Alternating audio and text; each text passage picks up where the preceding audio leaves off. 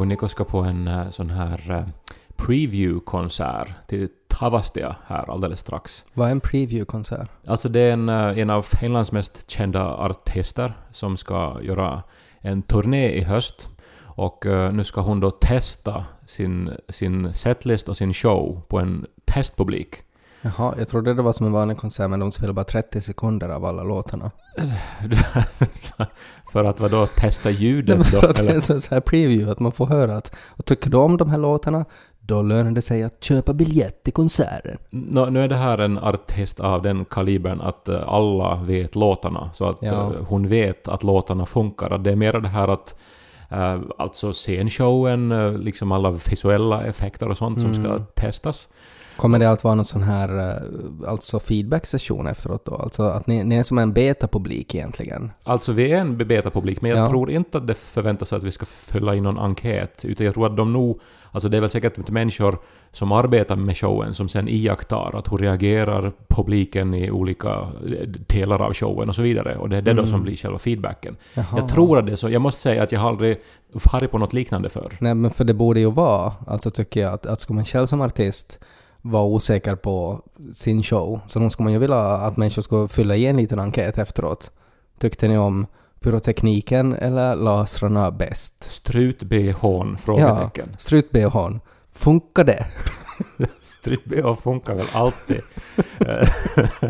Men alltså, det, är, är det inte häftigt ändå? Eller, eller alltså jag har känt så här att, att wow, jag, är på ett bra ställe i livet som får såna här inbjudningar. Jag har Okej. bra vänner. Så det här är inte, det här är inte alltså biljetter du kan bara köpa? Nej, nej, nej. Utan nej. det här- Oh, nej. Ja. Det här är liksom exklusivt för mycket speciella människor. Man ska Jaha. känna rätt människor för att få en sån här inbjudan. Just det. Och så började jag tänka att över åren så har jag ändå fått rätt så mycket såna här inbjudningar.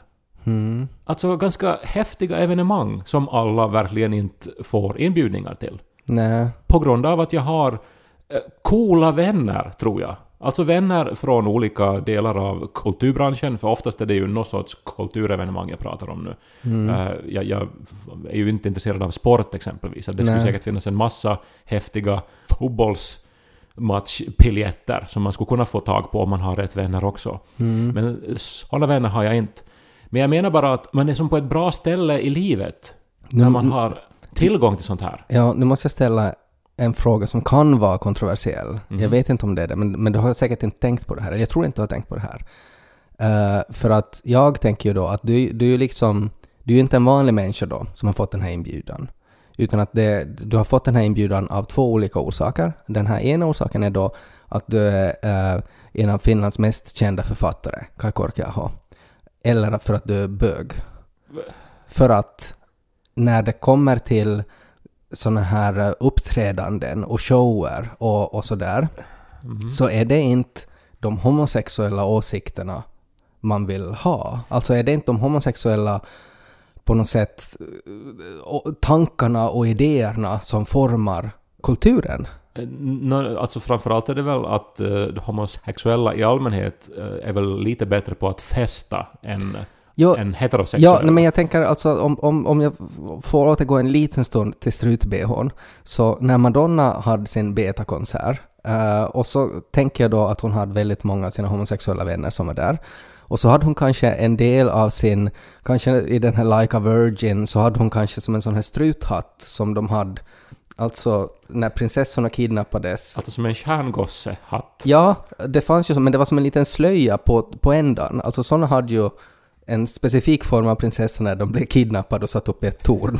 Så hade de sådana. Ja, jag vet vad du menar. Ja, jag tänker att hon hade en sån på sig på något skede. Men hon var kanske ganska osäker och var såhär att ska jag “Shall I wear this hat or not?” kanske hon skrek ut i publiken. Och sen kanske hon hade då en bögkompis som skrek “Put it on your tits!” och, och det var som en grej som hon aldrig hade tänkt på. Och så satt hon då, liksom, att hon såg sådär frågande ut, satt den här, den här 1700-tals prinsesshatten på ena bröstet. Mm. Och så skapades historia. Alltså, jag tror... Alltså, det måste ju ha varit så det gick till. ja, faktiskt. men alltså jag tänker för att det är ju inte den tanken och den liksom på något sätt blixten i hjärnan som kan komma då liksom att det, det där ska vara på ditt bröst, inte på ditt huvud. Ehm, Så alla människor får inte sådana insikter. Och jag tror att, att om man är en sån här jättecool och framgångsrik liksom homosexuell person som på något sätt är på de här coolaste festerna, coolaste konstutställningarna, så det är såna människor som kanske kommer med såna idéer. Exakt, du har fullständigt rätt. Och nu är det ju också av en händelse Helsingfors Pride den här veckan. Och det här är ju som på, på något sätt ett jättefint sätt att eh, visa att homosexuella behövs. För att de Verkligen. har det där perspektivet. De Ja. har kanske de här andra idéerna, de här impulserna som Mm. alla inte har. Och eh, jag menar, eh, inte är det ju en slump att jättemånga eh, väldigt tongivande kulturmänniskor där ute, alltså inom musik, inom dans, inom arkitektur, modeskapande, allt det här är homosexuella. För att de säkert har de här annorlunda perspektiven. Och eh, alltså, eh, om vi bara skulle ta liksom en minut här nu att hylla alla bögar och alla flator och alla queera människor där ute eh, nu under Helsingfors Pride-vecka. Det, det har ju också varit en ganska jobbig vecka. Det, det som hände i Oslo, alltså det var ju, vi vet allihopa vad som hände där. Och det är på något sätt förstås ännu hemskare, alltså det är alltid hemskt med terrorbrott och hatbrott, men på, på något sätt när det just riktas mot livsglädje, alltså som att människor som, som, som är ute och, och, och, och, bara liksom älskar att finnas till, och då blir de brutalt nedskjutna. Det, det är så otroligt, otroligt rått och hemskt. Och dessutom så kan ju ingen, alltså ingen kan väl liksom se på, eller lyssna på Queen eller Elton John eller se strut-bhn och vara så här att, att det, jag hatar att allt det här finns. Att, att världen skulle vara bättre om Bohemian Rhapsody inte skulle finnas, eller om strut-bhn aldrig skulle ha uppfunnits. Det är, ju, det är ju fina saker som gör världen till en roligare, vackrare plats. Och eh, låt oss nu bara glädjas över att det finns olika människor med olika perspektiv. Och, och, och hylla dem, om inte annat så åtminstone den här veckan. Alla hyllar dem. Puuen purmu puut vuossar botling Som täällä sitsoo popna popkuun Så börjar vi popnödena popkuun Så börjar vi lys på Ted och Kai Men det här var ett sidospår. Eh, för jag var var ju som egentligen inne på det här med alla otroligt häftiga inbjudningar jag har fått. Och eh, ja, det kanske då framstår som skryt, men egentligen så tänkte jag komma till dig. För att under åren som vi har bott i Helsingfors så har jag ganska frikostigt delat med mig av såna här inbjudningar till dig. För ofta är det ju att man får så här, du, ta med sig en, en veck. Eh, nu de senaste åren har jag oftast då valt Nico. Till exempel nu så ska jag och Nico då gå på den här preview-konserten Ja. och, och, och liksom rekommendera strut-bh och så vidare. Ja. Men jag har ju ändå rätt så ofta också bjudit in dig. Mm. Eh, ofta då via Facebook har jag som, eh, ja, skickat då en inbjudan. Aldrig fått svar. Nej, det har väl inte varit de här mest relevanta inbjudningarna som jag har fått. Men de är ändå eh, alltså rätt så exklusiva grejer. Ja, men det, det är på något sätt också, alltså då när jag jobbade med morgonradio, så då, då fick jag ganska mycket inbjudningar också. Och, och då, då tackar man ju nej till dem för att man måste få sova på kvällen. Eh, Så att man kunde inte fara på de där inbjudningarna. Men att då i något skede så var det sådär att okej, nej, men nu har jag också tillgång till de här ehm, men så kom jag in i en sån här rutin att, att nej, jag, jag, jag tackar alltid nej, jag, jag far inte på de här. Och, och på något sätt så tycker jag att det finns ju någonting fint i det också. Alltså att få exklusiva inbjudningar som man sen inte far på. Alltså att man värderar någonting annat över det. Jo, då är man på, på något sätt så är man ju cool och Ja, att man är, man är liksom sådär att nu är det en artist som vi skulle vilja få min åsikt om, om hennes strut-bhn, men, men Ted är nog ganska svår att få. så att, att, ja, jag tror inte han kommer. Jo, men det blir ju som ett mönster i ditt fall. Det, det är Mm. alltid ett sånt här, alltså in, inte bara ett nej, utan helt enkelt inget svar på Nej, inbjudan. men det är för att jag prioriterar annat. Ja, men om jag nu säger så här att Ted, häng med på efterfest med Veronica Maggio. Då ska jag komma med. Nej, men du gjorde ju inte det. Men inte, jag har aldrig fått en inbjudan av Du dig. har fått såna inbjudningar. Inte till, inte Veronica Maggio. Nå, det, det, det, Det där, det där var en fel, fel, du måste ändra den där lögnen. Nej, nej, men För Veronica Maggio, så hon tycker jag så mycket om, så då skulle jag ha kommit med. nå, Det är, no, det är inte många, men det är några som skulle få mig att komma. och Hon är nog en av dem. Ted, häng med på efterfest med Kent. Jocke Berg och jag och du kan sitta och prata om uh, böcker och låtar. Märker, märker du att jag simulerar? Alltså att du bara skriver i chatten och jag bara inte svarar. men det är så konstigt! För jag menar ändå, alltså alla, man måste inte vara liksom imponerad av kändisar förstås, eller så här. Eller? Ja, men nog är det ju en del av det också, alltså att du måste på något sätt behandla kändisar på ett visst sätt innan det ska vara värt det. För att jag i och det där, i, i en sån inbjudan så skulle jag tänka okej, okay, men Jocke Berg han är säkert trött efter, efter spelningen. Uh, han vill säkert mest bara till sitt hotellrum och sova och sen, sen ska jag på något sätt sitta där då och försöka hitta på någonting att prata med Jocke Berg. Alltså att ingen, varken han eller jag skulle få någonting ut av det. Det, det här låter som, vet du, när man försöker få sin mamma att resa till London Ja men det, det är så, ju så. Så är det alltid sådana här underliga ursäkter att ja men då så, så kan vi slarv bort biljetten. Nej men för att det, det är så få människor som jag sist och slutligen upplever att nej, men det här är en person som jag, jag ser att nej, men här, nu finns det liksom, här ska vi få ett utbyte tillsammans. Att den här sociala kontakten, den här vill jag inte gå miste om. För att det är den där sängen som man har, där ens böcker finns, då, då är det liksom att när det är som ett alternativ så det är nog få saker som är bättre än det då. Men det är så konstigt ändå att det som du har ändå medvetet letat dig till en opposition ja, så här har, inom ja, media och sånt. Ja, men jag har aldrig, det har aldrig varit en grej att jag vill umgås med Jocke Berg. Alltså det, det, det har inte varit tjusningen för mediajobb för mig det. Nej, och det måste det inte heller vara, men jag vill bara nu som komma till att det har blivit en grej för mig över åren att jag märker att hur ivrig jag än är över en ett evenemang som jag har fått en exklusiv inbjudan till, så när jag delar den med dig så kommer det inget svar. Men Nej. nu, de senaste veckorna, så har det börjat få komma notiser på Facebook till mig. Vad är det för notiser då? Ted Forsström är intresserad av sommarkonsert i Pormo.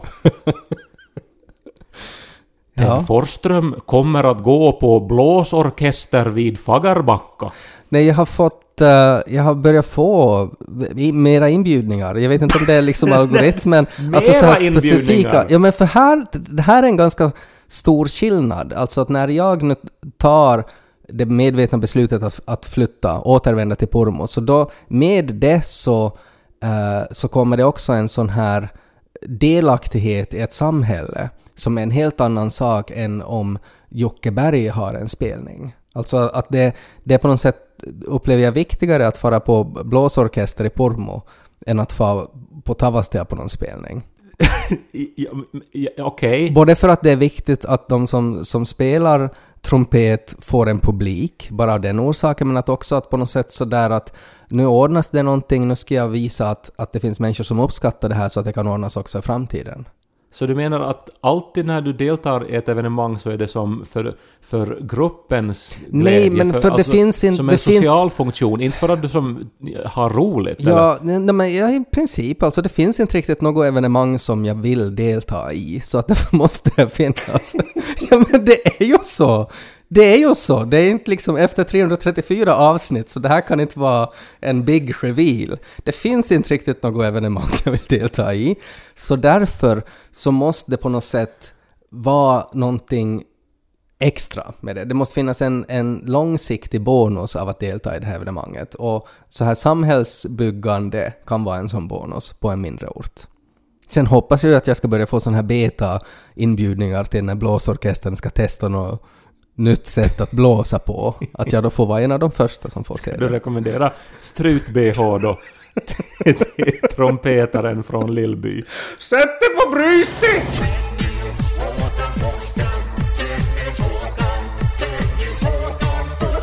Men det jag egentligen skulle komma till när jag, när jag då sa att det kan vara en kontroversiell fråga det här, när du får sådana här specialinbjudningar, VIP-inbjudningar, så hade ju då att det är två orsaker. Det ena är för att du är en framgångsrik författare eller för att du är homosexuell. Mm. Och orsaken till varför jag sa att det kan vara kontroversiell är ju för att så som jag känner dig så, så tror jag ju att du nog vill få sådana här inbjudningar i egenskap av att du är författare.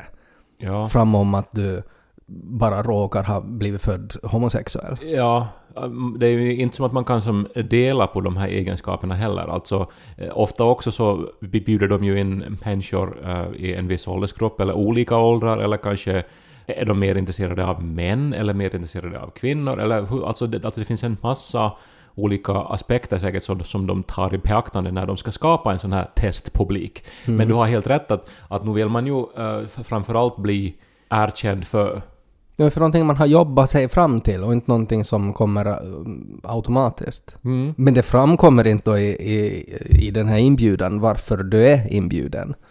Alltså att, att det är sådär att för att om, om, när man får liksom inbjudan till Slottsbalen så då står det ju vad man har för titel och sådär och då tänker man ju att okej, okay, men det beror på det här. Men att det står inte liksom för en, till en skön bög, Kai, välkommen!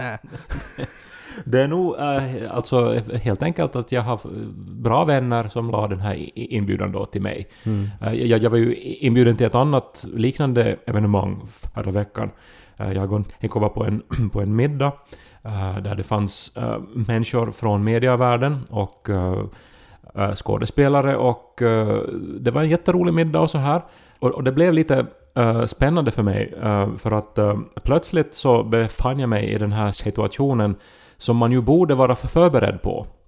Alla som arbetar med eh, media på något sätt eller skriver eller har filmidéer eller ja, inte vet jag, alla människor som vill någonting eh, som har att göra med artisteri antar jag, så borde ju ha en så kallad elevator pitch. Mm. Vet du vad det betyder? Ja, jag vet det. Ja, kan du förklara för de lyssnare som kanske inte vet? När man ska kunna sälja sin, sin livsidé på några sekunder. Alltså Ja. för att du kanske råkar stöta på en chef för någonting som kan se till att din dröm besannas om du lyckas övertyga hen på 30 sekunder om att det är en bra idé. Mm, det är ju en sån här Hollywood-idé, eller kanske som en väldigt så här amerikansk idé, att man plötsligt ska få en chans från intet och så ska man ta den och sen så ska man bara liksom förtrolla de här människorna som är inblandade och sen så ändras ens liv totalt. Mm, exakt. Vi har ju inte en, en lika glamorös och enorm underhållningsapparat här som, Nej. som, som de har i Hollywood förstås. Nej. Men i alla fall nu så hände faktiskt det här för mig. Och eh, jag var då på den här middagen och så mitt i allt så hade jag ett samtal med en skådespelare som mitt i allt sa att hej, nu vill jag att du ska träffa en av landets högsta chefer inom underhållning. Okej. Och jag blev ju väldigt överraskad för den här människan var alltså inte inbjuden till middagen, den här, den här chefen. Men det visade sig då för den här skådespelaren kände den här chefen eh, att eh, han visste att det, var, det, det, det fanns ett sånt här chambre séparé, alltså ett rum bredvid, En kabinett. där det, det försiggick då en annan fest. Du kan inte säga chambre séparé för att då tänker man bara på att han har såna här venetianska masker och, och har avancerat sex i rummet bredvid. Du vet väl annars den här masken att den hade att göra med pestdoktorer? Den här som har den här långa näsan. Ja, det vet jag. Okej. Mm. För de hade örter där. Just det. Klart att du vet sånt. Ja, ja, man trodde att örter hjälpte mot digerdöden. Men det gjorde det inte. Men du känner kanske till det via att du har läst om det på något Reddit någonstans. Wikipedia säkert. Inte att du har faktiskt sett såna här masker i användning under olika fester. Nej, Mm. nej, det har jag inte. Jag har jag, sagt nej till de inbjudningarna också! jag stötte på, det här blir en parentes, en parentes nu, men jag stötte på ett uttryck som jag insåg att jag var, där det var någon som hade skrivit att “Get you one of those Wikipedia boyfriends”. Och det är alltså en pojkvän som har en skild monitor bredvid sin dator där man alltid har en Wikipedia-artikel fram där det står liksom Gulfkriget eller pestdoktormasker. För att, att det är sådär att du har bara plötsligt kommit på att hmm, jag undrar varför det här var så här och så kollar du upp det på Wikipedia. Men, Och att det här då lär att det är liksom en sån man ska ha. ja, men jag var intresserad av varför. För vad har man för nytta av en sån? Alltså någon som spottar ur sig trivia om golfkriget? Nej, för att, för att det kan vara... Med stor sannolikhet så får man någon gång också en sån här undran. Oj, hmm, jag undrar varför det här är så här och så här. Och då har de svaret på, på, på den frågan. Men sen så tror jag också att kanske att det är liksom så här, det är som en väldigt trygg pojkvän. För att de far inte på, på sådana där fester och de får inte sådana där inbjudningar utan de sitter hemma och läser Wikipedia. Men 99% av alla vill väl hellre fara på en sån här fest där pestmasker faktiskt används än att läsa om dem på Wikipedia. Alltså, nu, alltså man vill ju... Det är ju som två olika saker. Ibland vill man ju bara läsa Wikipedia, men nu, om man nu Men får en inbjudan inte... Det ju, inte så ju, ignorerar man väl den inte. det finns ju inte en sån binär verklighet som vi lever i, att antingen är du en sån som läser Wikipedia, eller så är du en sån som är på någon sorts Eyes Wide Shut-orgier. Naturligtvis inte. Men Nej. om man får en inbjudan till en Ice Wide Ja, Shut-orgie... så de flesta tackar ju nej till det. Alltså... Nej, vet du vad? De flesta lägger kanske. För att, för att man vill, men man vet inte om man är redo för det. Men man, man, man ignorerar inte inbjudan. Jag tror, ja... No, det beror ju på vem som ska skicka det. Men att om, om du får en inbjudan bara att hej, kom på orgie. Så det är nog väldigt få som ska direkt, förstås. Så Det är står klart det ju förstås inte. Det står ju med mera så här Chambre séparée! att, Fest! att intimitet är tillåtet, kan det stå till exempel. Ja. Och då, då kan man läsa in saker i det hela. ja, det är nog någon, man vågar inte ens kroxa kanske på det. Utan man, det låter man bara vara. Men du var då på den här sexfesten med den här chefen? Skaffa dig en inbjudningspojkvän, skulle jag säga, som har vänner som, som, som, har, som ger dörrar till olika verkligheter. Men i alla fall nu då, jag var nu då, för jag hade ju sagt ja då till den här festen och plötsligt då så befinner jag mig med en av landets mest kända skådespelare som då för mig till ett chambre séparé där en annan fest pågår och där sitter då chefen för Finlands största underhållningsbolag. Det känns som att de här titlarna bara växer och växer. Att först var det en skådis och nu var det Finlands största skådis. Chefen blir också viktigare och viktigare. Men okej, du, det är liksom någon sorts secret service-rum du har kommit in i där det är FBI-agenter och du ska träffa liksom Nordeuropas största mediakonung. Men alltså, du skrattar åt det nu, men det här, alltså, det här hände verkligen. Ja. Och, al- alltså där satt människan. Ja. Och, och jag blev då introducerad och eh, jag såg att den här chefen var så här att okej, eh, vem är de här nu? Eller han kände ju igen skådespelaren förstås, Ja. men inte mig. Men, men att han var så här att okej, någon avbryter vår fest här Ja, just varför nu. har ni kläder på er? Vi är ju här i chambre séparé. Ja. Med under masken. ja. Ja, men i alla fall, jag fick då platsen på hans högra sida. Och eh, han skakade min hand och såg på mig med öppen blick. Och jag visste ju då att nu kom stunden här. Mm. Nu har jag 30 sekunder på mig. Eh, och eh, jag har ju en arsenal av idéer. Ja. Jag har ju skrivit böcker, men jag har ju också oskrivna böcker. Jag har ju, jag har ju otroliga idéer som, som väntar på att realiseras. Mm. Och här har jag mannen som kan realisera dem. Ja. Det är ju, förstår du pressen Ja. och, och, och liksom insikten över att nu är universum vidöppet. Mm. Jag förstår. Vad sa du då? Nu jag börjar nu stamma på finska något om att jag har något så här bögroman om någon lägenhet. Jag var ju jättedålig. Ja. Men det, jag var, det var så... Jag var oförberedd. Ja. Alltså, och jag menar, jag har ju pratat om den här boken må- många gånger, men Mm. plötsligt så kändes det som att det inte fanns, vet du, eld i mina ord, utan det var som bara att jag som redogjorde för något sorts skolarbete eller någonting. Mm. Jag upplevde att jag verkligen inte klarade av det här. Nej. Och efter 30 sekunder så, så, så hade ju hans blick dött.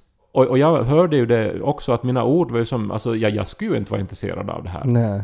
Och, och va- varför, varför stakar han sig så här mycket? Hur Ja. mycket har han druckit? Ja. Hur slutade det då? Jag sa förlåt och tack och så gick jag därifrån. Har det kommit något mail efteråt då att han vill... Inga såna mejl alls. Okej. Eh, Men, men alltså eh, ändå så, eftersom det var en sån här uppsluppen stämning eh, så har jag ändå inte känt att jag sumpade mitt livs chans. För att eh, det, det var lite som så här att, att, alltså att det här inte tas på allvar, st- stämning. Jag förstod ju att det här är allvar. Men, men jag tror att rummet var, var som inte att, att okej, nu ska vi se vad han går för. Så att, att jag tror att om vi skulle träffas igen så skulle han ändå minnas att det var som ganska roligt det här. Det att du stammar? Nej men det var en rolig fest och så här och att jag Ja, ja. tök upp mitt i allt Jag och tänk- sa någonting lite halvluttigt. Jag, ja, jag tänkte på något sätt, alltså för jag ser ju på riktigt att han är som en kung som sitter där och håller hov. Och att det var som en narr som kom in då och stammade på ett skojigt sätt och sa om någon bok om några bögar och, och sen slog du en volt och, och, och liksom hjulade därifrån. Och, och därför skulle han komma ihåg. Så ah, men du är den där skojiga bögen! liksom nästa gång när ni träffas. Och det kan ju också, det behöver ju inte vara så dåligt det. Jag menar, då, då minns han ju det. Ja, ja nej men så. Men alltså dels så vill jag väl uppmana alla. Ha er elevator pitch i skick. Eh, Repetera den ungefär som man repeterar hjärt och lungräddning, för, för det kan man ju också råka ut för eh, mitt i allt, och då måste man ju hantera situationen. Eh, men också öva på er elevator pitch. Ni vet aldrig när ni stöter på världens största medieproducent.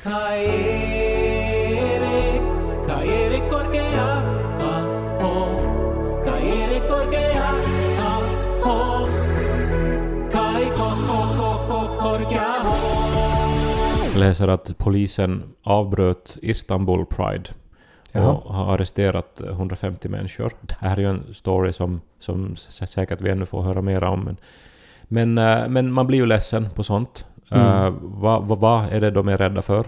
Eh, samma sak med Ryssland, med alla dessa anti-K-lagar och, och... al- Alltså vad är de här männen rädda för? Att om några människor vill fira strut-bhn, fira livets färgglada sidor och Ja, ja men det är ju, det är ju visa på möjligheterna.